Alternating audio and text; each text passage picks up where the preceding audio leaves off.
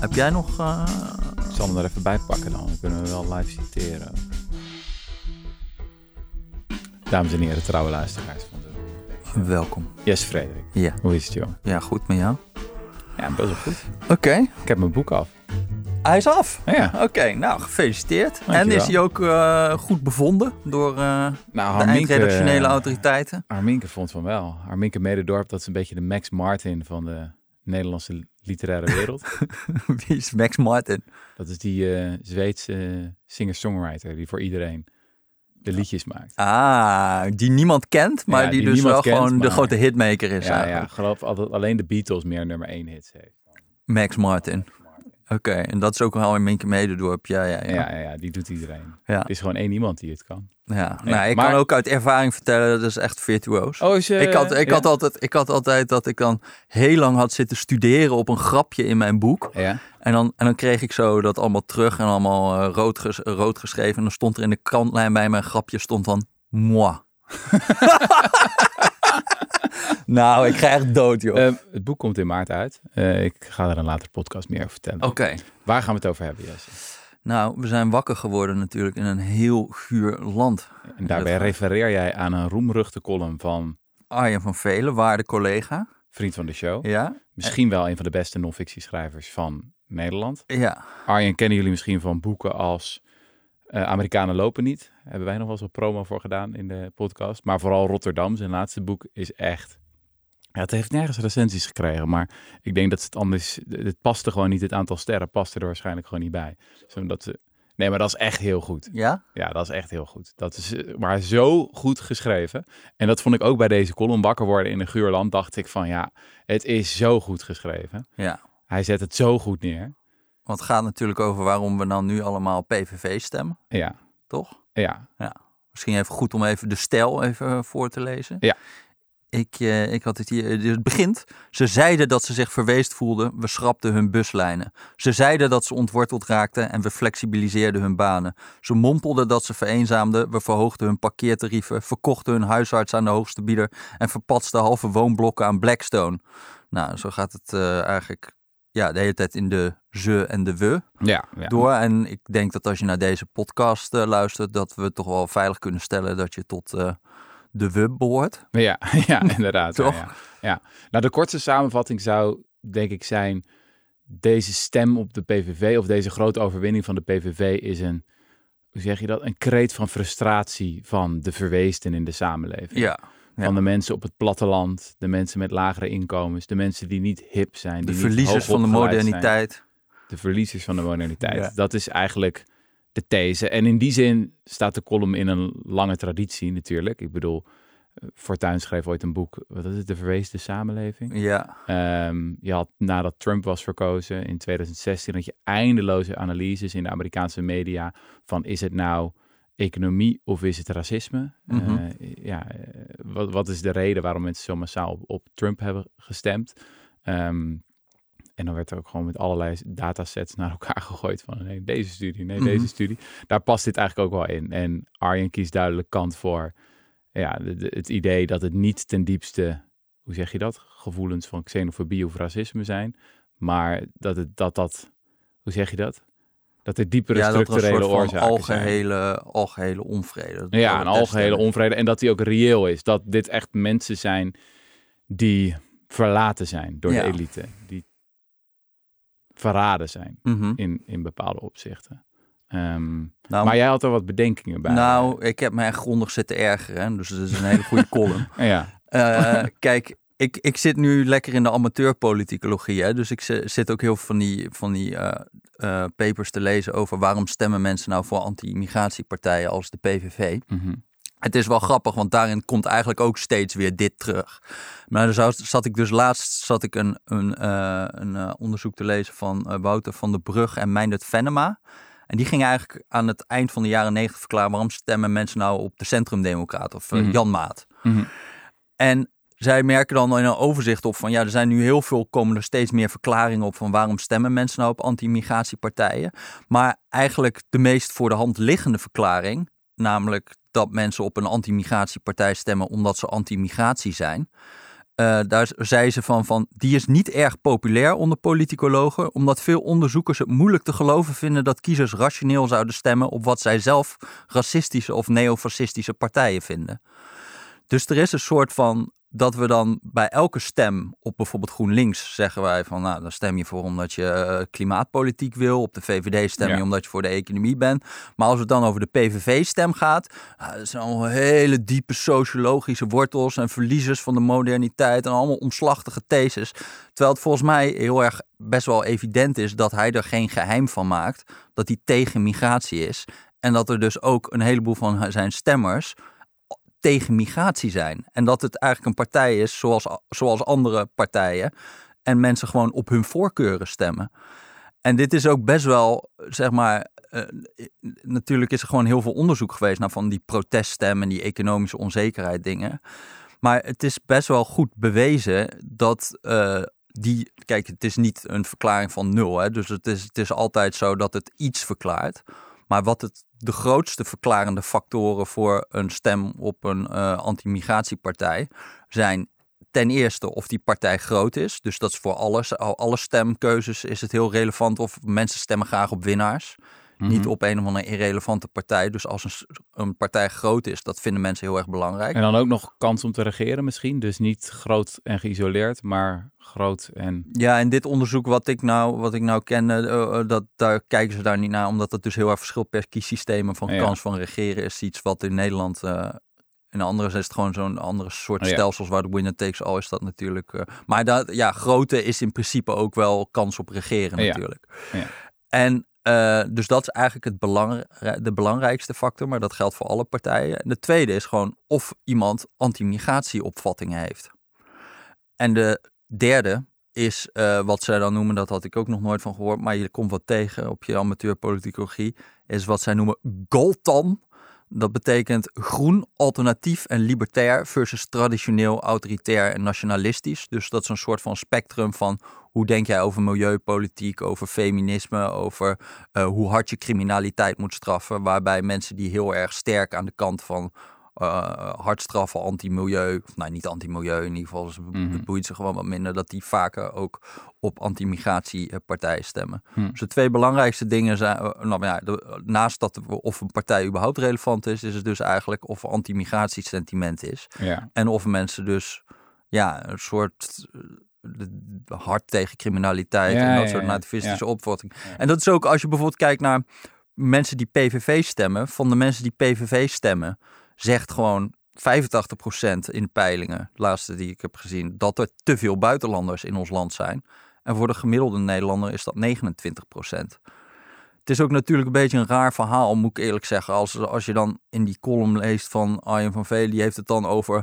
Nou ja, hij had er allerlei dingen bij. Maar dan bijvoorbeeld heeft hij het dan over, op een gegeven moment over het toeslagenschandaal. Wat hij dan de, de grootste racistische operatie sinds de koloniën noemt. Nou, dat lijkt het mij nogal ongerijmd waarom je op een partij zou stemmen die het stemrecht van alle Marokkaanse Nederlanders wil ontzeggen als, als, als je je heel erg boos maakt over de grootste racistische operatie sinds, uh, sinds uh, de koloniën. Ja. En dan komt het ook over arbeidsmigranten die buiten in de kou slapen en dan, ga je, en dan, dan gaan mensen op de PV. Waar slaat het op? Waarom dan niet op een, op een linkse partij? En, en wat nou als je zou zeggen, mensen zijn gewoon heel boos en ze zoeken naar de grootste hamer die ze maar kunnen vinden. Gewoon de allerlomste politicus, omdat ze zo vreselijk boos zijn over een hele trits aan dingen. Dus Arjen heeft het over schrappen van busbanen, flexibiliseren van banen, verkopen woonblokken inderdaad aan Blackstone, online gokken dat is toegestaan, toeslagenschandaal Groningen. Mensen zijn eenzaam.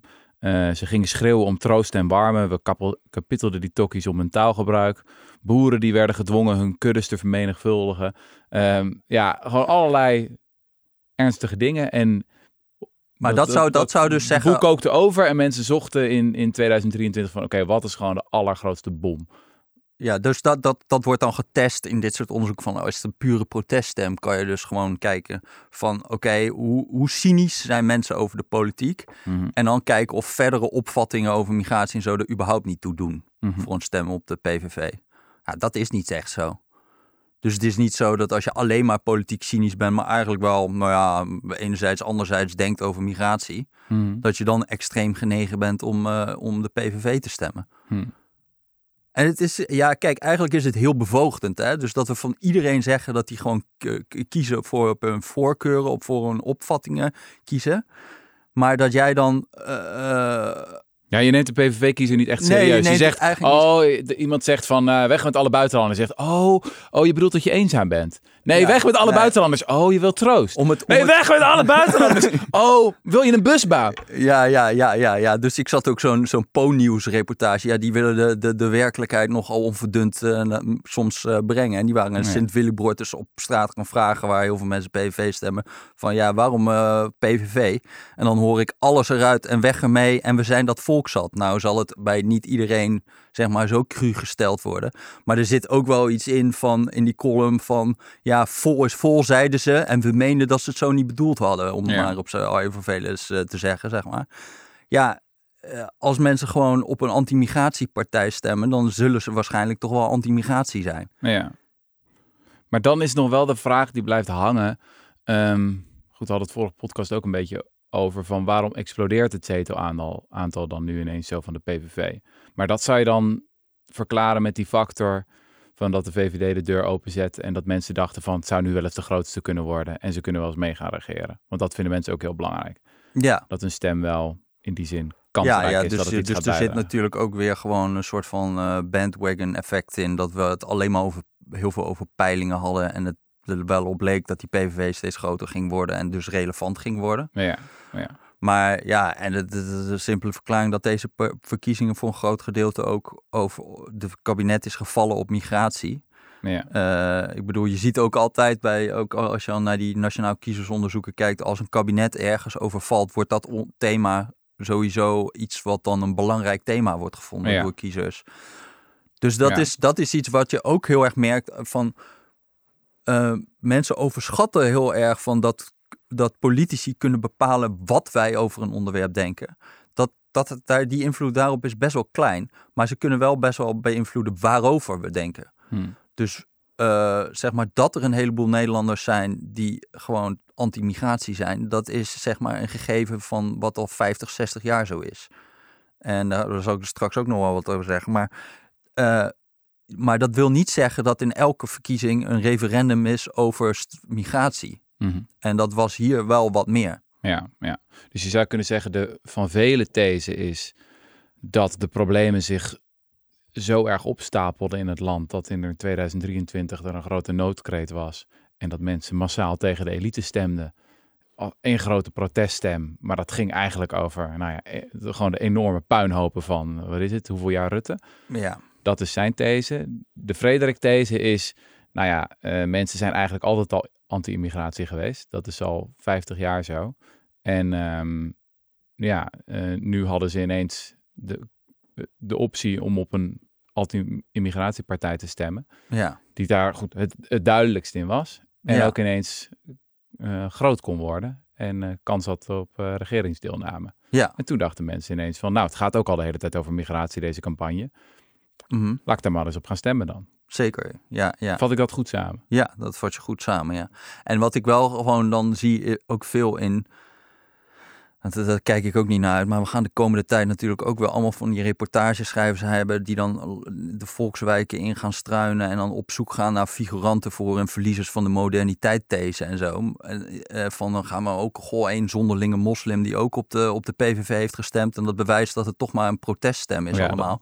Lijkt ja. me ook wel handig om een beetje aan te sluiten bij wat bij niet soort van aansprekende anekdotes en weet ik het allemaal. Ja, dat was Lale Gül die dat naar voren bracht, toch? Die, die Ja. zei van, ik ken veel moslims die op de... maar dat is PVV grappig, want dat was, Ja. dat, ik zat even terug te kijken, maar tien jaar geleden toen de PVV een keer won, was dat ook meteen. eh, dat, dat, soort, dat is van, oh, ik ken ook, eh, wat toen was het ook van, de moslims Ja. hebben ook op eh, PVV gestemd. Ja, Ja, want dat sluit aan bij die protestthese van het gaat niet over racisme, het gaat niet over immigratie. Mensen zijn gewoon heel boos en zouden dan stemmen op de, gewoon de, de grootste bullenbak. Maar dat is dus niet zo. Maar het is dus ook een beetje linkse koop, vind ik. Dus gewoon een manier dat wij gewoon het niet zo. Want als jij zegt van. eh, mensen zijn boos omdat de huisarts is verkocht aan BlackRock, weet ik veel. Hè? Mhm. Dan is dat eigenlijk wat we toch al vonden. En iedereen mag wel eens boos zijn op het systeem. En eh, de proteststem eh, maar houdt het een beetje dat, dat het gewoon past bij ons wereldbeeld. Ja, van als ja, iemand ja. stemt op Wilders omdat hij gewoon een hekel heeft aan buitenlanders, dan, Mhm. vinden, dan is dat veel moeilijker te, te accepteren dan dat iemand gewoon eens een keer gewoon boos is. Of zo. Zeker, ja, ja, ja, ja. Nou, in die zin zou je de Van Velen analyse ook hoopgevender kunnen vinden dan jouw analyse.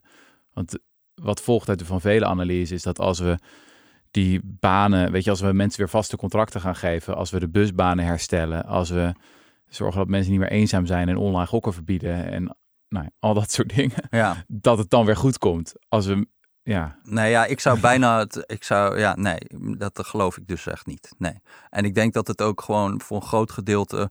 eh, dat de greep, maar dat heb ik vorige podcast, de greep van economische eh, onderwerpen, mhm. zo'n dingen als herverdeling, dat die gewoon eh, veel kleiner is geworden, omdat we ook gewoon rijker zijn geworden. ja, Dus ja. dat, we, dat we dingen zijn gaan ordenen, of ons politiek systeem zich nu ordent op een hele andere as van wat Ja, vind je van migratie, heeft heel veel te maken met welvaart. En juist niet met een soort van verliezers van de moderniteit-achtige these. En er zit, ja, Ik moet zeggen dat de, de column eh, gemengde gevoelens bij me oproep, omdat ik vond dat hij wel heel veel rake klappen uitdeelt. Ehm, Mhm. Als het bijvoorbeeld gaat over, goed, hij heeft ook wel echt een paar vilijne zinnetjes erin hoor, van eh, eh, weet ik veel, ze vroegen om een vast contract en we troosten ze met een regenboogvlag. Dat, weet je, dat soort, Mhm. dat soort teksten. Maar het is natuurlijk wel waar dat bijvoorbeeld voor bedrijven is het vaak makkelijker om mee te gaan in de cultureel linkse agenda, want dan kost ze niks. mhm. Het kost de Bijenkorf niks om Zwarte Piet Nee, iets aan zeker. te passen. Terwijl de, de economisch linkse agenda is een stuk prijziger. Ehm, en daar heeft hij misschien wel een punt. Ja. Ehm, dat, En ook, ook wat het ook het sneu is voor mensen die cultureel recht zijn, is dat, het, eh, dat ze het nooit gaan winnen, omdat het niet iets is waar de overheid over gaat voor een heel groot gedeelte. Ja. Dus wat is het beleid wat je voert opdat jij cultureel aan het verliezen bent? ja, ja, ja, ja, Dus dat gaat een soort van permanente frustratie worden, die je niet gaat oplossen. ja. Het is ook, en dan moet ik weer denken aan die discussie die eh, sinds 2016 woedde, na de verkiezing van Trump en Brexit natuurlijk ook. Je had toen figuren als Ewald Engelen, die de hele tijd van die boekjes schreven. Hij had een boekje met de titel Het is klasse, Suffie. Eh weet je, verwijzing naar Bill Clinton die ooit zei, it's the economy, stupid. Mhm. Ehm, dat lijkt dan niet te kloppen als we, als we jouw analyse erbij pakken van nee, het is gewoon migratie, het is xenofobie. Dat is de reden waarom mensen Mhm. PVV stemmen. Maar het is natuurlijk wel zo dat als we het meer over economische thema's zouden hebben eh, en linkse partijen minder mee zouden gaan in het frame dat migratie het probleem is. Ja. Gewoon eigenlijk, ja, net als dat wij bij de consumenten hebben we eigenlijk ook vaak de fout gemaakt dat we te veel over de cherries schreven. Weet je, je, Ja, moet, gewoon het- je moet gewoon over iets anders hebben. Ja, Eh, omdat het zo belangrijk is wat er überhaupt op de agenda staat. ja, Ehm, ja, nee, dat, is dat is zeker zo. dus in die maar zin met- klopt met- het wel weer dat je het juist moet hebben over de meer ja, ja, bread and butter thema's. Ja, met de kanttekening dat ik denk dat dat ook iets minder, dat zie je ook bij linkse kiezers, dat die ook harder gaan op thema's als milieu en, en, en, en identiteit Ja, dan eh, op puur en alleen economie dan als je het vergelijkt met zeg de jaren 60 of zo. ja, Dus daar is wel echt iets aan de vraagkant veranderd. ja. Maar er is ook wel iets aan de aanbodkant veranderd. Dus het is leuk dat jij dit kan zeggen van we zouden het meer over economie hebben. Maar wie, wie is de actor die er dan voor moet van zorgen dat er een soort kartel komt waarin we bepaalde onderwerpen doodzwijgen? ja, ja. Dat was natuurlijk in het verleden ook wel een stukje makkelijker als je alle omroepverenigingen gebonden zijn aan politieke zuilen. En elke krant ook politiek gekleurd is. Maar nu heb je natuurlijk iedereen die strijdt om de gunst van kijkers, luisteraars en, Ja. eh, en lezers. Ja. En dan ga je mensen gewoon geven wat ze willen. En dat is negatief sentiment over whatever, zeg maar. Ja. Dus wat dat betreft is het ook niet een soort van. Het is, het is misschien wel waar, maar het is niet echt actionable. We hebben nu En bovendien, de geest is uit de fles. Want het is leuk om te doen als er een rechtspopulistische partij is met één zetel. Maar als er eentje is met 37 zetels, wordt het doodzwijgen ook niet echt meer een optie, zeg Ja, maar. zeker. Dus eh, Is dit het moment om even historisch te gaan analyseren? Want Ja, want inderdaad, dat- we, hebben, we hebben nu een behoorlijk vrije markt van opinies, zou je kunnen zeggen. In ieder geval op social media kunnen mensen Ja. van alles roepen. Maar het is wel echt behoorlijk schokkend als je even de archieven induikt. Dat je denkt, oh ja, nog niet eens zo heel lang geleden was dit echt radicaal anders. ja, ja, ja. Want ik, heb dus, ik zat dus heel erg te denken van... eh, eh, als je puur kijkt naar opvattingen, hè, is het nou zo dat we nu tegenwoordig veel meer ehm, anti-migratie zijn dan voorheen? Mhm. Nou, eh, in de meeste echte academische peilingen en zo, die, die gaan eigenlijk beginnen ergens in de jaren negentig. Dat is ook grappig, omdat toen het onderwerp pas een beetje opkwam in de politiek. En dan wordt het ook pas gepeild. Dus als je ziet naar bijvoorbeeld een vraag van er zijn te veel Nederlanders in, uh, te veel buitenlanders in Nederland. Nou, dat is begin jaren 90 vindt ongeveer de helft van de Nederlanders dat. Inmiddels is dat nog maar 29 procent. Ah. Maar het interessante is, als je dan kijkt naar wie vond dat in de tijd, was dat eigenlijk mensen die dat vonden uh, redelijk evenredig verdeeld waren over de grote middenpartijen. Dus in de VVD, in de PvdA en in de CDA zaten allemaal mensen die vonden dat er te veel buitenlanders in hmm. Nederland waren. Hmm. Ietsje meer in de VVD, dat moet gezegd worden, en ietsje minder in de PvdA, maar toch redelijk wat. Dus ook in de PvdA zegt 40% en in de VVD zegt 60%. Oh ja. Oh. En nu zie je dat dat eigenlijk bij de VVD, PvdA en CDA allemaal is gedaald sindsdien. Maar dat uh, in, de, in, de, in, de, uh, in de PVV het rond de 83, 85 procent is. Oh ja. Dus mensen zijn zich meer gaan sorteren ja. op hun opvattingen daarover. Ja. En, Zoals ze eerst op iets anders werden gesorteerd, op meer economische thema's, worden ze nu op dit thema gesorteerd. Ja, dus dat is, dat is eigenlijk hoe je het moet zien. Van de po een politiek systeem wordt altijd geordend op een, een as die eigenlijk het grote strijdpunt is van de politiek. Dus ja al, vroeger was dat economie. Dus hoe sta je in tegen markt of overheid, herverdeling of anti uh, of niet echt pro-herverdeling. Dat is de grote as waarop alles zich ordent. En als, nou onder, als er nou onderwerpen zijn zoals uh, die heel erg sterk verband houden met jouw opvatting over herverdeling. Stel dat iedereen die pro-herverdeling is, anti-Vietnamoorlog is. Mhm. Dan is het helemaal niet erg om dat pro probleem te politiseren. Want al jouw kiezers vinden dat toch al. Mm dus je gaat niemand wegjagen. Ja. En alle kiezers die dat niet vinden zitten bij de VVD. Dus dat is een fijn politiek strijdpunt. Ja.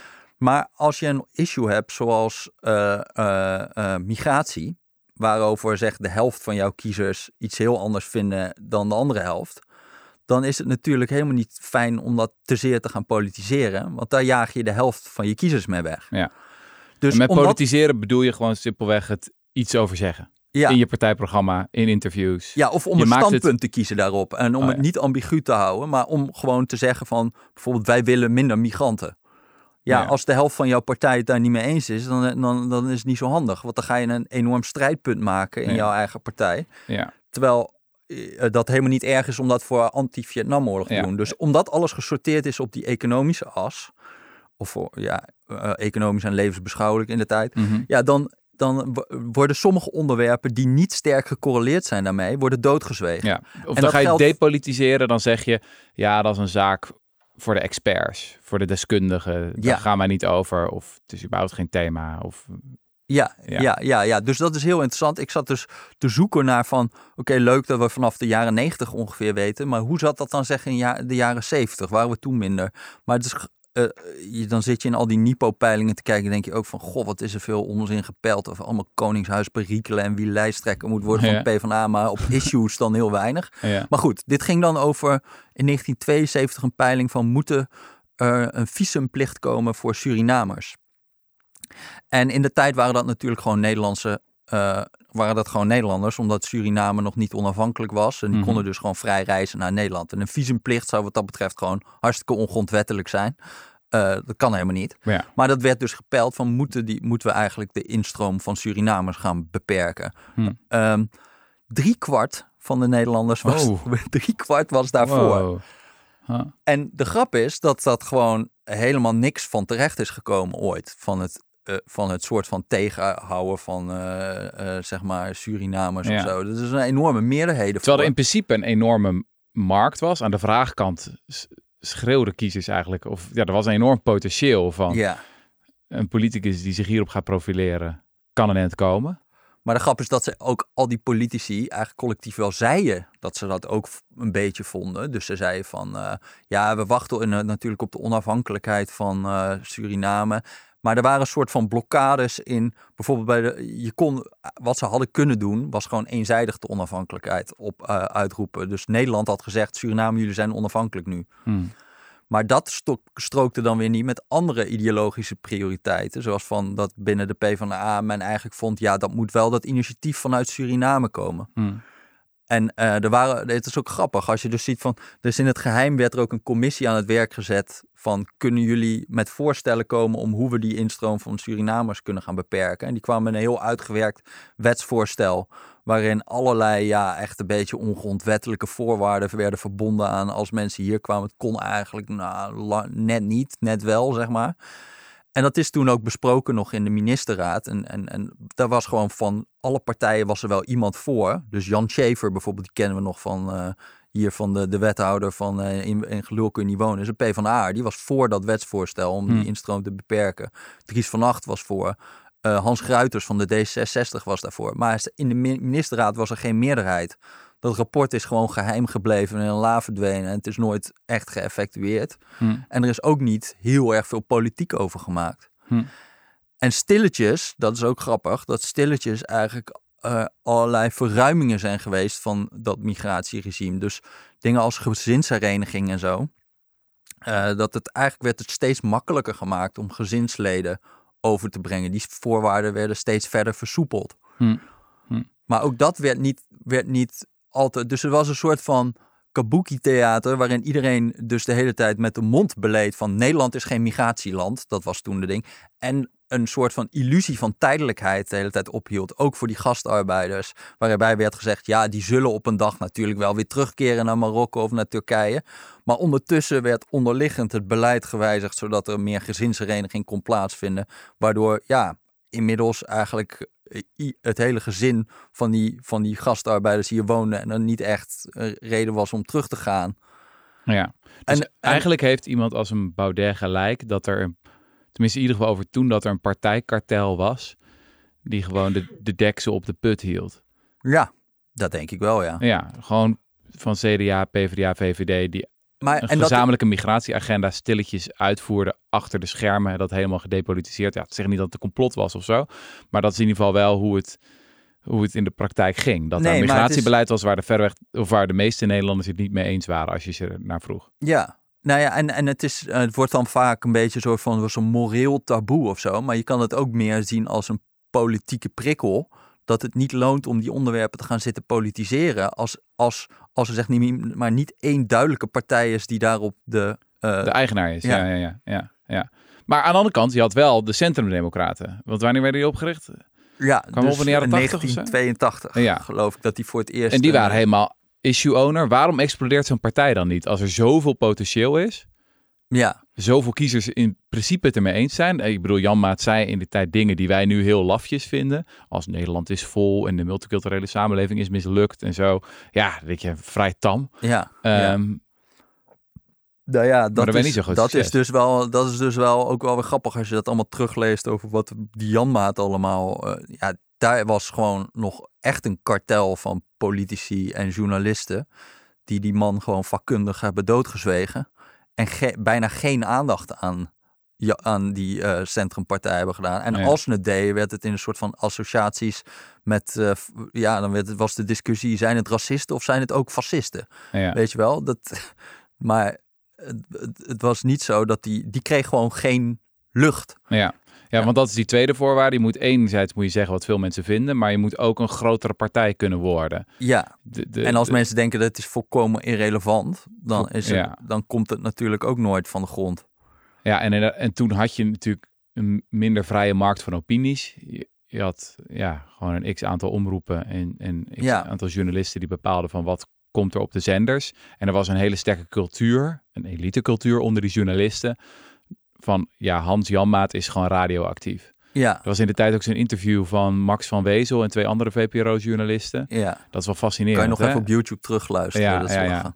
Heb ik altijd voor een stuk eh, een aantal jaren geleden een keer geluisterd en teruggezocht. Maar Max van Wezel die is een tijdje geleden overleden. Uh, geweldig journalist. Het is echt een van de mastodonten van de politieke journalistiek. En uh, schreef toen altijd voor Vrij Nederland. Maar in zijn jonge jaren heeft hij toen een keer Hans Janmaat geïnterviewd. Mm en als je dat interview nu luistert, denk je echt van... Holy shit, wat zijn deze VPRO-journalisten onbeschoft. Ja. Ze laten hem nauwelijks uitpraten. Hij zegt vrij milde dingen eigenlijk. Met best wel veel mitsen en maren. Gewoon wat kanttekeningen. Zo van migratie is niet alleen maar je PA. Nou, en hij wordt echt als de duivel hemzelf behandeld. Ja. En de, de respons toen van VPRO-luisteraars was niet van... wow, wat waren jullie grof richting een volksvertegenwoordiger. Nee, was hoe hebben jullie het gore lef om deze man een podium te geven? Ja, ja, ja. Dus het, het was juist nog progressief Ja, ja, ja. of gedurfd of zo, om, om, om, hem, om hem überhaupt te interviewen. En eh, maar er is dus ook zo'n, dat kan je ook op YouTube terugvinden, zo'n uitzending van Het Zwarte Schaap. En dat Mhm. was eh, ook zo'n programma van de VARA, geloof ik. En daarin ging het dan met Jan Maat, dit was 1999, dus hij was inmiddels al uit de kamer, Jan Maat. En eh, daarin zei Paul Witteman, Mhm. Eh, die zei, eh, ik, heb het hier nog even opgeschreven. eh, ja, Jan Maat heeft natuurlijk gelijk. Hij heeft geen faire kans gekregen, want we waren helemaal niet van plan hem een faire kans te geven. We vonden namelijk dat elke stem op de Centrumdemocraten er één te veel was. Vraag, in hoeverre is dat objectieve journalistiek? Witteman, dat is het niet. Vraag, vindt u dat terecht? Witteman, dat vind ik volkomen terecht. Vraag, u zou dat zo nu weer doen? Dat zouden we bij de VARA zo weer doen, ja. Wauw. Maar het En dit was eind jaren 90. dit was je? 1999. zo kort geleden. Ja. ja. Maar het is wel, ja, het is. De, en, en, en, en dus, wat ook heel schokkend is, is dat die dus in 1986 hadden ze een soort van congres van die Centrumdemocraten. En er is een. eh, een eh, toen kwam, eh, we hadden een soort van antifascistische beweging, had daar lucht van gekregen. En die hebben toen een soort van brandbommen of rookbommen naar binnen gegooid. Mhm. En toen is gewoon de vrouw van Jan Maat heeft zijn been verloren. ja. En ehm, achteraf hebben geloof ik alleen de, de, de PPR hebben Kamervragen gesteld of die demonstranten wel netjes waren behandeld. Ja, ja. Het Ja, is een is soort, het is een soort van echt een voorkomen. Ja, ja. Nou Ja. moet ook wel gezegd worden als je die optredens kijkt van die Janma, dat dat nou niet een soort van fortuin of wildersachtige charisma heeft, eh, die man. Het is ook een totaal eh, paranoïde type, een beetje een morsige, morsige man. Dus het is, ik weet niet of het überhaupt heel erg... eh, Kijk, dat is natuurlijk wel dat het later wel iets mediaveger wordt met Fortuin. Dat die man ook gewoon kijkcijfers scoort. Ja. En tegen die tijd ook in een, in een mediaklimaat terechtkomt dat een stuk geliberaliseerder is. Ja. En waarin, dat is, dat is ook eh, wel interessant, dat je pas ergens in 1992 commerciële televisie krijgt überhaupt. Ja. Waardoor er echt concurrentiedruk komt om kijkers. Zou je kunnen zeggen. Ja, ik geloof nooit zo in dat soort analyses van het ligt aan het charisma van deze specifieke politicus. Want dat verklaart ook bredere trends, internationaal niet. Is ook een beetje de hoop vaak op links, hè, van we hebben louter een HR-probleem. Van Wouter Bos was niet goed, maar Cohen, die wordt geweldig. Ah, Cohen was niet goed. Nee, Samson, die is echt, hij Samson niet goed. Nou, maar Timmermans, die is charismatisch, Nee, weet je. maar ik denk wel dat het de, de, de timing een beetje kan verklaren. Dat als je eerder een, cha- een charismatisch figuur... Ja, oké. Maar het is toch wel een dus- beetje in de maar- war maar- zitten, toch? en- dit soort dingen. Het, het, ik lijkt me dat Nee, structurele oorzaken als inderdaad opkomst van commerciële televisie of sociale media of überhaupt eh, emancipatie van de kiezer, ontzuiling. eh, dat lijken me allemaal veel Ja, belangrijke factoren. En überhaupt dat in brede zin de geest uit de fles is. Dus als inderdaad in Italië of andere plekken eh, succesvol populistische of anti-migratiepolitici opkomen. mhm. Ja, dan, weet je wel, dat, dat is natuurlijk logisch dat dat zich verspreidt. Mhm. ja. Maar de analyse hier is dus eigenlijk van, er is inderdaad een partijkartel, decennia lang. Die houdt de, de deksel erop. ja. Ehm, en dat, dat breekt dan los inderdaad met Fortuin, die ehm, nou ja, voor het eerst echt een duidelijke anti-migratiepartij instelt. Ja. En Nou, brede media toegang heeft. Ja.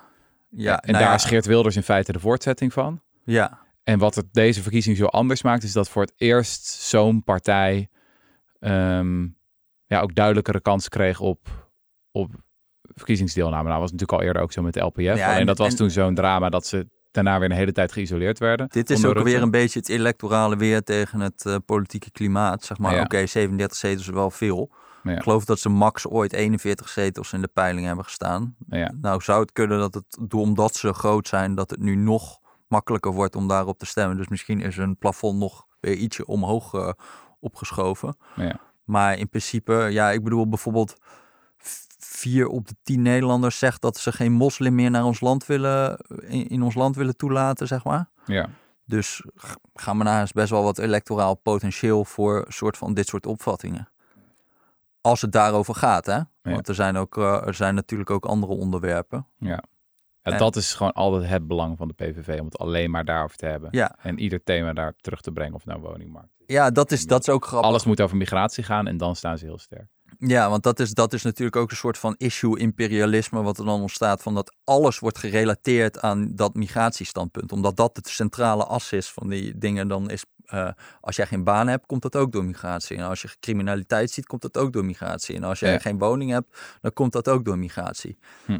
En dat hij zie je natuurlijk ook op, eh, op links wel. Want vroeger was natuurlijk ongelijkheid ook de verklaring voor criminaliteit. En voor eh, dat, Hm. dat er geen baan is en dat voor alles. Mhm. Zoals we nu proberen ook milieu aan ongeveer alles te relateren Ja, ja. natuurlijk. Hè. Dus er is een soort van, dat krijg je dus altijd wel. Maar Ja. je moet wel even, zeg maar, de centrale issue is dat ding. En niet die afgeleide daarvan dan. En Nou, eh, nou is het in Denemarken toch zo dat daar de Sociaaldemocraten veel meer naar rechts zijn bewogen. En ook een veel meer een anti-migratiestandpunt hebben ingenomen. En ook mhm. al electorale successen hebben geboekt. Dat ja, je wordt kan je afvragen of het dan nog sociaaldemocraten zijn zoals wij het soort van, of dat het een soort Pieter Omtzigt-achtige partij is geworden, Ja. zeg maar. Maar Ik dat is natuurlijk altijd aan de rechterkant van het politieke spectrum wordt gezegd van ja, dat moet je doen. Je moet gewoon erkennen dat inderdaad migratie een belangrijk thema is. En je moet zelf weer proberen issue owner te worden. Door te laten zien dat je daar bijvoorbeeld in tegenstelling tot eh, een partij als de PVV ook resultaten kan boeken. Ja, maar dan maak je dus een soort van, dan jaag je weer, eh, dit is dus weer, weer het dilemma, dan jaag je dus de hoogopgeleide stem weer weg. Ja, Want die vinden in overweldigende meerderheid dit gewoon objecte standpunten. ja. Dus je moet dan een soort van keuze maken tussen wa- waar, waar aan welke kant zit je dan. Hm. Maar dat, dat maakt niet dat je gewoon eh, meer kiezers gaat. Kijk, zeg maar, er is een soort van heimwee van dat we, dat, dat we die geest nog heel erg in de fles kunnen krijgen. Maar ik vrees dat dat toch wel erg eh, lastig gaat zijn. Zo kan allemaal van die uh, Armen Hark Verdian en zo, die hebben ook van die papers over hoe mensen zich identificeren op het links-rechts spectrum. Maar ja. En daarin zie je dus ook dat de issue over dat gewoon het standpunt over herverdeling steeds minder belangrijk wordt voor hoe mensen zich eh, identificeren als links of rechts en het standpunt over migratie steeds belangrijker. Ja. Dus je ziet gewoon, dit En gaat dat, gewoon en dat komt ook omdat mensen überhaupt rijker zijn geworden. Dus dat daardoor ja, dus dat, minder belangrijk thema is in de jaren, dan dat- in de jaren 70. Omdat er toen gewoon meer mensen in armoede leefden dan. dat, zou, dat zou een hypothese zijn waar ik eh, erg eh, veel geloof in eh, heb. Ja. Ook omdat het meer verklaart waarom het in alle landen zo is.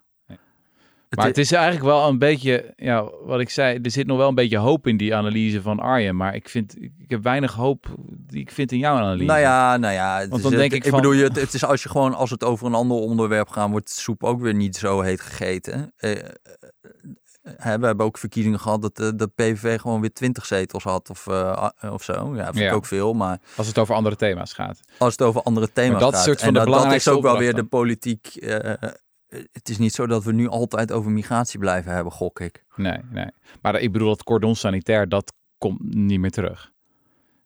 Nee, en en de vraag is ook of het ethisch is om, dat- om dat terug te willen. Want Nee. ja, je luistert inderdaad van hoe er toen met Janmaat omgaat. eh, ja, dat is niet echt...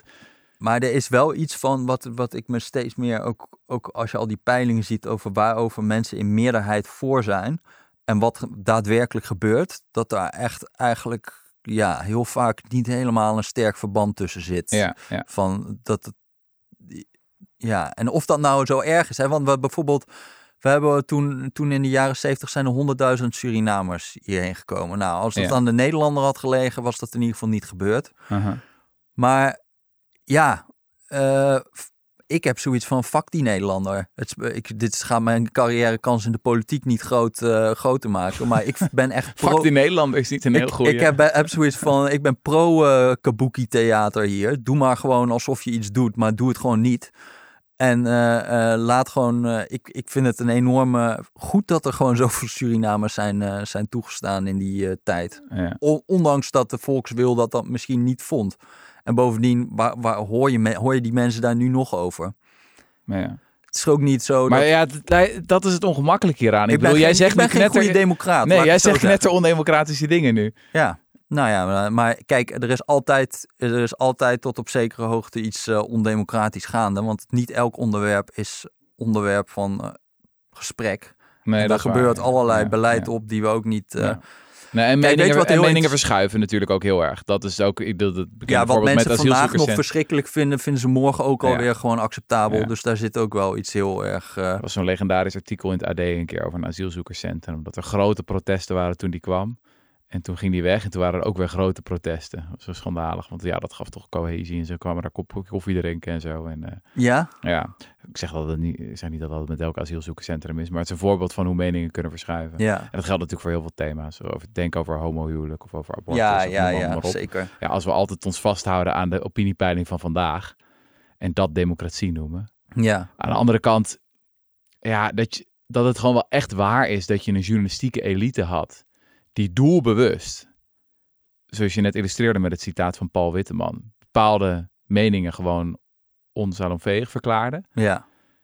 Ja, dat is toch wel. Maar er zat in de tijd natuurlijk ook een hele andere taakopvatting van als je bij de FARA was, Mhm. dan was ook eigenlijk jouw taak gewoon niet eens van ga jij maar objectief. Nee, jij gaat Nee. een levensbeschouwing. eh, Ja, dan eh, houden fascisten buiten de deur. Ja. Ja, nee, je bent gewoon het sociaal-democratische gedachtegoed moet jij, eh, Ja, dat is waar, ja. eh, of met die kleur in ieder geval eh, journalistiek gaan maken. Dus dat is ook een beetje, eh, ja, een soort van niet, bij, eh, sowieso al niet heel objectief. Ja. Maar wat, ook, wat ik ook interessant vond, hè, dus ik kwam ook tegen nog een, ehm, een eh, onderzoek van Wouter Schakel en eh, ik geloof ook Armen Huck Ferdinand. Mhm.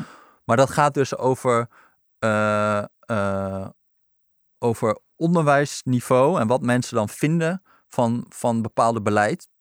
En of ze ook hun zin krijgen. Mhm. En wat zij eigenlijk heel goed laten zien, is dat eh, als, eh als hoogopgeleiden iets vinden in meerderheid en laagopgeleiden het omgekeerd, dan krijgen hoogopgeleiden veel vaker hun zin dan laagopgeleiden. Oh, ja. Maar dat sluit eigenlijk heel goed aan bij de column van Arjen.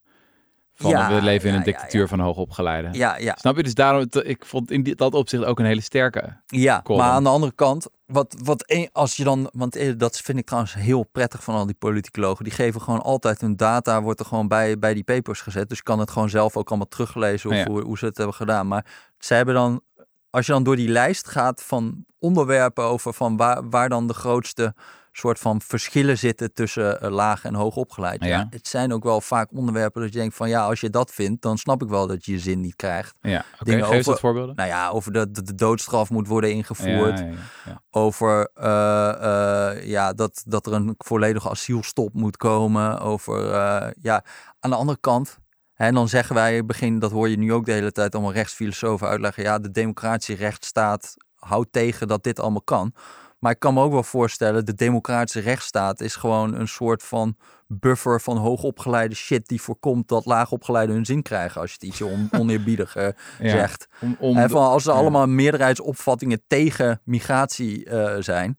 En je hebt allemaal verdragen en rechters die dat in de weg zitten. Daarom komen ook al die eh, anti-migratiepartijen eh, op een gegeven moment in de clinch met rechters. ja. Omdat, dat, al- omdat er een soort van laag is ingebouwd die voorkomt dat er überhaupt Ja. daar ooit iets, eh, iets kan gebeuren. En mm, geen misverstand, ik ben daarvoor. Ja. Maar dat betekent wel dat er een soort van contradictie is in het linkse denken. Dat ze allemaal goede democraten denken te zijn. En dan Ja. met eh, omslachtige formuleringen over de rechtsstaat komen. Om te voorkomen dat de meerderheid zijn wil krijgt. Maar, maar er zijn ook wel dingen in die lijst dat ik, eh, dat ik denk van ja, daar, hebben ze, daar is wel eigenlijk wel iets merkwaardigs gaande. ja. Want één, één ding wat mij dus heel erg, eh, dat wist ik niet. Maar Ja. in Nederland is er dus een bijna een tweederde meerderheid, ook in het laatste kiezersonderzoek, voor het verlagen van de pensioenleeftijd. ja. Tweederde. Ja. Nou, er zijn weinig onderwerpen dat je zulke overweldigende meerderheid Dat was ooit een breekpunt, toch, voor Wilders? Ja. En dat vonden we toen snel echt varen, maar- enorm populistisch en zo. Maar dat zegt al een hoop. Want, maar wat het ook heel interessant is, is dat er een extreem sterke eh, eh, verschil is tussen opleidingsniveaus. Dus van de mensen die alleen basisonderwijs hebben gevolgd, is 90% voorstander van het verlagen van de pensioenleeftijd. Hm. Onder mensen met een WO-master is maar eh, eh, 35% voorstander daarvan. Hm. En wat ook eigenlijk gewoon niet zo gek is, want als jij een, een basisonderwijsopleiding hebt, dan ga je Ja. ongeveer zes jaar eerder dood. Dus eh, ja, dan wil je ook wel dat je eerder met pensioen gaat. Ja, dat heeft niet zozeer te maken met dat je niet geleerd hebt de juiste mening te vormen. Het is gewoon een direct materieel belang. Ja. Gewoon, het is echt, ja. Als je Maar- zwaarder beroep hebt, lichamelijk beroep ook, dan wil je inderdaad eerder met pensioen. Maar als je nou eens nadenkt over welke politieke partij. En trouwens ook gezondheid trouwens. Hè. Dus ook hoogopgeleiden worden veel ouder en blijven veel langer gezond. Ja, Eh, dus dat is ook een hele grote factor. ja, ja, ja. Maar, maar welke partijen vertolken nu dit eh, standpunt? Er zijn twee partijen die nog willen een, de pensioenleeftijd verlagen. Dat is de SP en de PVV. Ja. En dus twee derde van Nederland is daarvoor, hè? Ja. Dus, eh, en die partijen, denk ik, worden toch een beetje in, de, in, nou ja, in onze kringen versleten voor totale pensioenpopulisten. Als jij nu nog gaat zitten pleiten om die leeftijd naar 65 Ja. te, te brengen. Nou, dat vind ik als een leuk contrast hiervoor. Zou je een bezuinigingsmaatregelen hebben die wel de belangen van hoogopgeleiden schaadt. Mhm. En dat is de invoering van die studiefinanciering. Ja. Dus op een gegeven moment is die basisbeurs afgeschaft en moest er iedereen die eh, eh, een HBO of een WO-studie doet, moest dat geld gaan lenen. Mhm. Eh, wat eigenlijk betekent, nou ja, dat, dat er een hogere belasting is op hoogopgeleiden. Zo Ja. zou het eigenlijk, als je het gewoon vertaalt.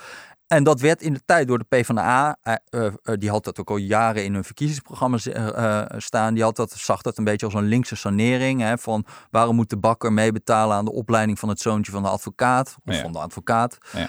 En ehm, als je dan kijkt naar peilingen van in de tijd, toen was ook dus 60% van de laagopgeleiden was daarvoor het invoeren van die stu- eh, studiefinanciering. En 35% van de hoogopgeleiden was daarvoor. Dus Oh, daar ja, heb je het ja, omgekeerde. Hè? Dus Ja. dat laagopgeleiden daar in meerderheid vonden dat oké. Ja. Eh, en hoogopgeleiden in meerderheid tegen. Maar En we weten wat er gebeurd is. nou, de grap is natuurlijk dat, in, dat daar gewoon een soort heel, heel veel linkse energie is gespendeerd aan het weer afschaffen van die studiefinanciering. Hè? Dus kijken we naar Van de studieleen. De, ja, van dat Ja, leenstelsel. ja, van het dat dat echt eh, allerlei, ja, vanaf het moment dat het werd ingevoerd, is eigenlijk allemaal eh, hoogopgeleide agitatie gekomen om dat weer om te keren. ja, en dat werd geframed wel als, eh, hoe zeg je dat, opkomen voor de mensen die het minder hebben. Want het is toch schandalig dat je niet ja, meer... ja, ja. Dus, gewoon, dus mensen kunnen niet meer gaan studeren. En kunnen geen, dat vind ik ook gewoon, ja, dus dan zit je dat allemaal terug te kijken, hè, dat Tim Hofman de barricades opging met allemaal eh, jongeren en dan van, ja, ze kunnen nu geen huis meer kopen en eh, weet ik. Moet je dat even voorstellen, hè? dat je dat, eh, dat is een soort van, alsof de studenten verworpene der aarde is die geen huis meer kan kopen. Nou, god, dat is verschrikkelijk zeg, dat je op je dertigste geen huis kan kopen. Dat is toch ook natuurlijk wel een beetje een rare opvatting van, van, van wie nou de, de verworpenen der aarde zijn eh, hier. Ja. Want het is gewoon opkomen voor je eigen klasse. ja, het is heel erg opkomen voor je eigen klasse. En ik, ik zat dus Alleen het komt over als opkomen voor de minder bedeelden. Dat is de vibe. Nou ja, dat is het- het sausje dat erover zit. het is grappig dat het binnen links niet eens meer wordt opgemerkt dat dit niet zielige mensen zijn. Dat als jij een WO-opleiding hebt, dat je in principe niet echt heel erg zielig bent. Ja. En dat geeft ook wel aan dat toen in de jaren, jaren 70 was zeg maar 40% van eh, alle laagopgeleiden stemde PvdA. Inmiddels is voor de hele ding eh Ja. PvdA en GroenLinks geloof ik minder dan 10% van Ja. de laagopgeleiden. Dus daar schiet van velen ook raak in die column. Ja, nou ja, ja dat Dat- denk ik wel. Dat links gewoon extreem hoog opgeleid is. Nou ja, en dat we, dat we een soort van blindheid hebben voor wie zijn de echte minder bedeelden. Eh, ja, ja. Ja, dus daar, dit, dit, is, dit is wel eh, zeker. En het, het is ook grappig over van, wat noem je nou populistische argumenten? Hè? Dus als, als, als je over de pensioenleeftijd allerlei dingen zegt over 65 en rekenrentes, dan zijn er allemaal, oh nee, ja, hier, dit ben je echt helemaal, zit je helemaal mooi verkeerd, jongen. Mhm. Maar over die, over die, die studiefinanciering, daar zijn de meest grote onzin is daar vertolkt door, door al die voorstanders van het afschaffen over dat de studiekansen voor eh, zeg maar armere gezinnen dan helemaal lager worden door die invoering van dat leenstelsel. Nou ja, dat is allemaal onderzoek naar gedaan door het CPB. Die hebben gewoon naar alle studenten gekeken en die komen tot ik zal het even citeren. Invoering van het leenstelsel heeft niet geleid tot minder toegankelijkheid van het hoger onderwijs. De instroom vanuit VWO is gelijk gebleven en vanuit de HAVO zelfs iets gegroeid. Ook heeft het leenstelsel geen effect gehad op de studiekeuze. Deze effecten verschillen bovendien niet naar inkomen. Dus ja, wat, wat dan ook voor populistisch wordt versleten, is ook nogal diploma gekleurd. Hmm. Want, niemand, want er is best wel weinig weerstand tegen dit soort uh, argumentaties. Dus, uh, nou ja, ik, ik vond het ook grappig. Ik kwam nog tegen ergens in een andere tijdenaflevering, geloof ik. Dat, uh, dat ging al over Willem Drees. Toen kwam Ed van Tijn, dus die werd in de jaren zeventig, was die de partijleider van de PvdA. En die herinnerde zich eigenlijk ja, de eerste ontmoeting die hij had met Willem Drees. Ga ik, ik even citeren. Hij vroeg me, wat vind jij van de studiefinanciering? Ik zei, daar ben ik groot voorstander van. En toen kreeg ik de wind van voren. Wat ik nou eigenlijk in de PvdA deed als ik opkwam voor studenten... die toch niet tot een zwakke groep in de samenleving behoorden. Daar moesten we toch zeker geen geld aan verspillen. Hm. En daar zie ja, je... Die Tracy snapte het nog. Nou ja, ja, daar zie je in ieder geval... Ik zeg niet dat hij het snapt, maar het is meer van daar zie je al dat er een splijtswam kwam tussen dat hoogopgeleid en laagopgeleide segment. Waar, en ook dit weer, dit krijg je niet makkelijk meer in de fles. Want als jouw 60% van jouw achterban hoogopgeleid is, ja, dan ga je ook bezwijken voor uh, de lobby van de Tim Hofmans. Omdat dat gewoon de mensen zijn die jou, jouw stemmers zijn. Dus dat deed Lodewijk Asscher ook. Die maakte een draai van, oké, wij vonden eerder als P van de A, vonden wij die studiefinanciering een goed idee vanuit een soort linkse bezuinigingsgedachte. Ja. En eh, nu gaan wij uh, overstag en vinden wij eigenlijk uh, dat het leenstelsel nou ja, helemaal niet deugt. Ja. Ja, en in die zin, En in, dat, dat, was ook deze verkiezing dat de PvdA GroenLinks echt dan definitief die partij van hoogopgeleide is geworden. Want ook daar weer die sortering, die Mm. heeft plaatsgevonden. ja, En daar kom je ook niet meer vanaf als, je dat, een- als dat eenmaal je achterban is. Je, je kan die ook niet zomaar vaarwel gaan zeggen. Je kan niet ineens tegen de regenboogvlaggen zijn. En tegen de stufie. En tegen, weet je, al die dingen nee. waar toch een heel substantieel van je electoraat. Ja, en daarbij komt ook dat Nederland dus als geheel natuurlijk ook hoger opgeleid is geworden. Nou ja, En over als je nog iets wil, iets hoopgevends wil, is als dat het natuurlijk de trend is dat we helemaal vooralsnog niet xenofober worden met z'n allen. Nee. Zeg maar, Nee, Dat is nog het meest mindblowing hier. Dat we eigenlijk progressiever aan het worden zijn als landje. Ja, ja. En dat, maar de grap is dat opvattingen veranderen eigenlijk gewoon. Ja, dat zeiden we in de vorige podcast ook al. Hè, dat, eh, het is allemaal cohortvervanging, oftewel de dood. Nou ja. Dus voor een heel groot gedeelte is het gewoon eh, dat die mensen die negatief zijn over, over buitenlanders. Mhm. eh, inmi- gewoon doodgaan. ja. En dat jongere generaties over het algemeen veel progressievere opvattingen hebben. Maar als dan nu wordt gezegd, ook heel veel jongeren hebben gestemd op de PVV, of bij allerlei scholierenverkiezingen is de PVV heel populair, dan zou je dat verklaren als van, ja, maar dat was vroeger ook, alleen toen werden die thema's niet geactiveerd. Die Ja, dus je hebt twee dingen. Je hebt de opvatting zelf en het gewicht wat aan de opvatting wordt toegekend. Ja, En je kan zeggen dat het gewicht wat aan de opvatting wordt toegekend Ja. ten opzichte van andere dingen, Ja. dat, dat neemt toe. Ja. Dus alle maar dit, economische... gaat, dit maakt het zo lastig en dit gaat volgens mij elke keer mis in het opinielandschap. Dat we hebben een soort van naïeve opvatting over democratie. Van mensen hebben een x aantal opvattingen. En nou ja, je stemt gewoon op de partij die erbij past. Mhm. Maar dat het zo afhangt van wat er geactiveerd wordt op een bepaald moment. Ja. Waar het over gaat in, in, in media, in de Tweede Kamer, et cetera, et cetera. Ja. ja, het is veel minder bottom-up dan je, dan je het bij maatschappijleer krijgt. Ja, Ja. Ja. Dus het is echt niet zo van wij hebben hele vastomlijnde opvattingen en daarmee gaan we naar het stemhokje en dan kiezen we de representanten die dat vinden. ja, ja. Het is veel meer een strijd van leiders die proberen onderwerpen te activeren. ja. Ja, Had je ook die analyse gelezen van Leonie de Jonge in NRC? Over een cordon sanitair dat wel degelijk effectief kan zijn. Ze had maakte een vergelijking tussen Vlaanderen en Wallonië. Mhm. Waarin in Vlaanderen extreemrechtse politici het veel beter doen dan in Wallonië. Overigens ook alweer tegen de economische onzekerheidsthese, omdat Wallonië veel armer is dan eh, Vlaanderen. Ja, inderdaad. Ja, goed Maar punt. Ja. En zij beschrijft dat dat ja, eigenlijk een kwestie is van inderdaad zowel politici die een cordon sanitair om soort partijen heen leggen, maar dus ook echt van eh, journalisten die eh, ja, zich elkaar soort van scherp houden of zo. Of dat er Ja. normen bestaan over wie geef je wel aandacht en wie niet. Het is toch wel heel, heel fascinerend natuurlijk experiment, vond ik eigenlijk, van Vlaanderen en Wallonië. ja, ja. Eh, ja. dat je daar zulke verschillen ziet in het succes van extreemrechtspolitici. Ja, nou ja, ik geloof daar dus wel in. Ik zie alleen niet echt hoe je van A naar B komt, los van het feit hoe, hoe democratisch je dat allemaal vindt. ja.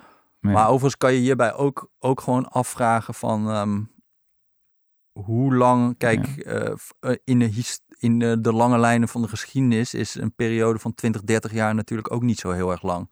Hm. En als er gewoon structurele trends zijn die een bepaalde richting opduwen, Mhm. dan zal dit op een gegeven moment ook breken. ja, En dat Ja, maakt dan voor de, voor de Ja. timing wel uit. Maar uiteindelijk, denk Uiteindelijk valt Wallonië ik, ook. uiteindelijk is het natuurlijk ook een beetje een historische uitzondering dat we, dat we, ik bedoel, ja, die hele periode van, van na, de, na de jaren 50 of zo, waarin je dit hebt, misschien is dat juist uitzonderlijk. Ja, dat zo zou je het ook kunnen zien. Ja, ja.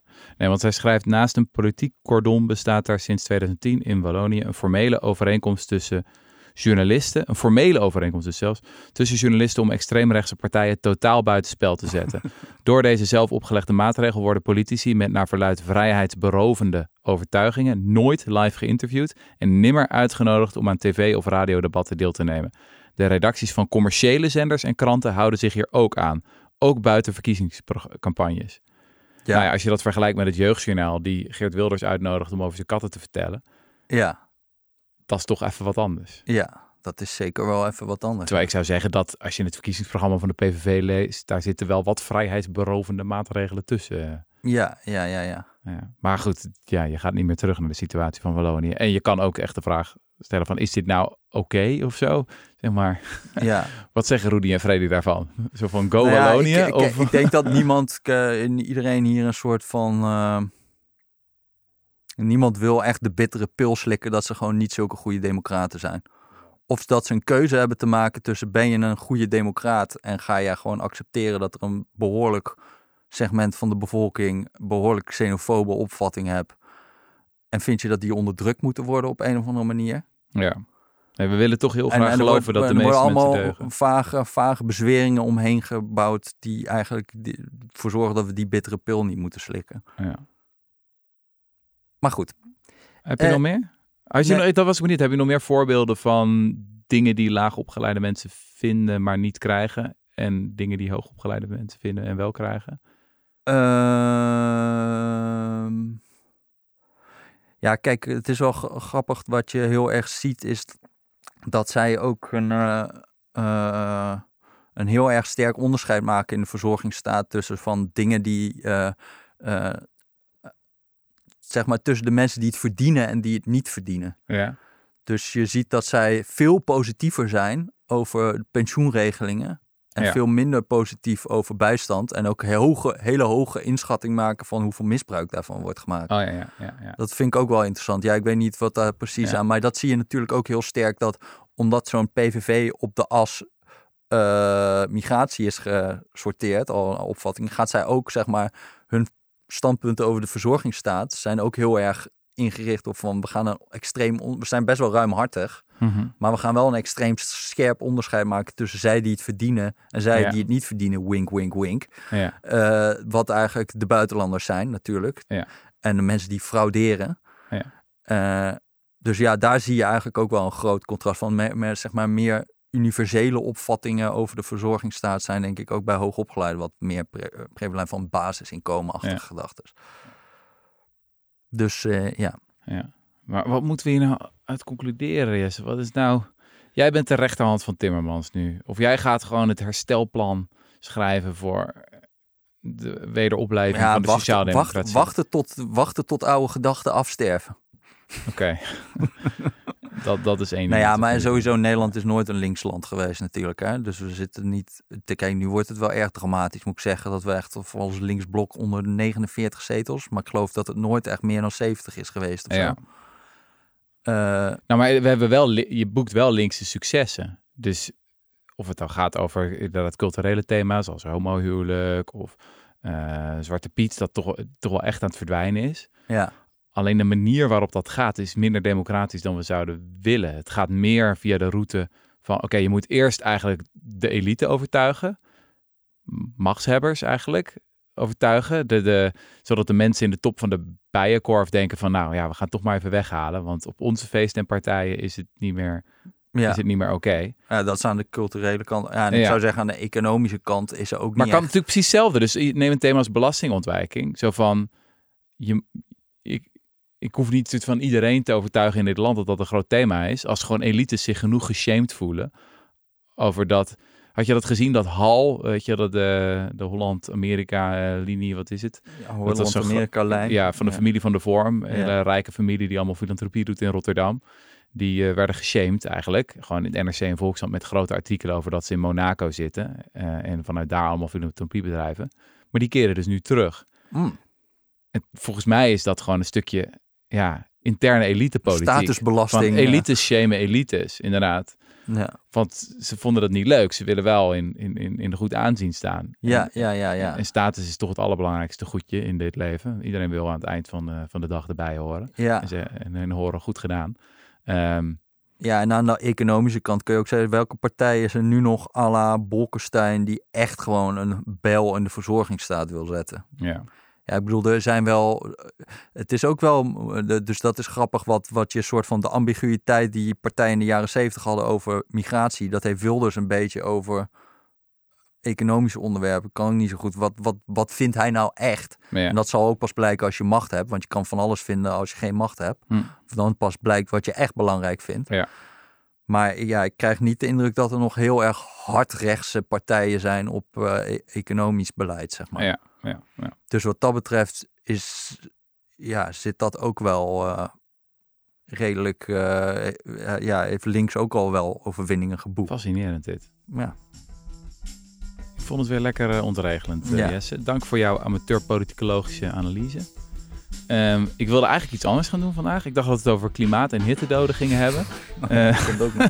maar deze analyse is een beetje uit de hand gelopen. Die bewaren we wel voor de volgende keer, Ja, als je dat goed, vindt. Is goed. Oké, toedeledokies. Oké, tabé.